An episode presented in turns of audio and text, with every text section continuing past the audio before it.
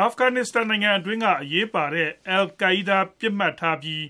အကြမ်းဖက်ဝါဒ တိုက်ဖျက်ရေး ရှားရှားပါးပါး စစ်ဆင်ရေးကို ပြီးခဲ့တဲ့ သီတင်းပတ်ကုန်အတွင်း အမေရိကန်က ဆောင်ရွက်ခဲ့ကြောင်း အမေရိကန် အကြီးတန်းတာဝန်ရှိသူက တနင်္လာနေ့မှာ ပြောပါတယ်။စစ်ဆင်ရေး အောင်မြင်ကြောင်းနဲ့ အရပ်သား ထိခိုက်သေဆုံးမှု မရှိကြောင်းလည်း သူကပြောပါတယ်။ဒါပေမဲ့ အသေးစိတ်ကိုတော့ မပြောပါဘူး။စစ်ဆင်ရေးအတွင်း Al Qaida လီဒါ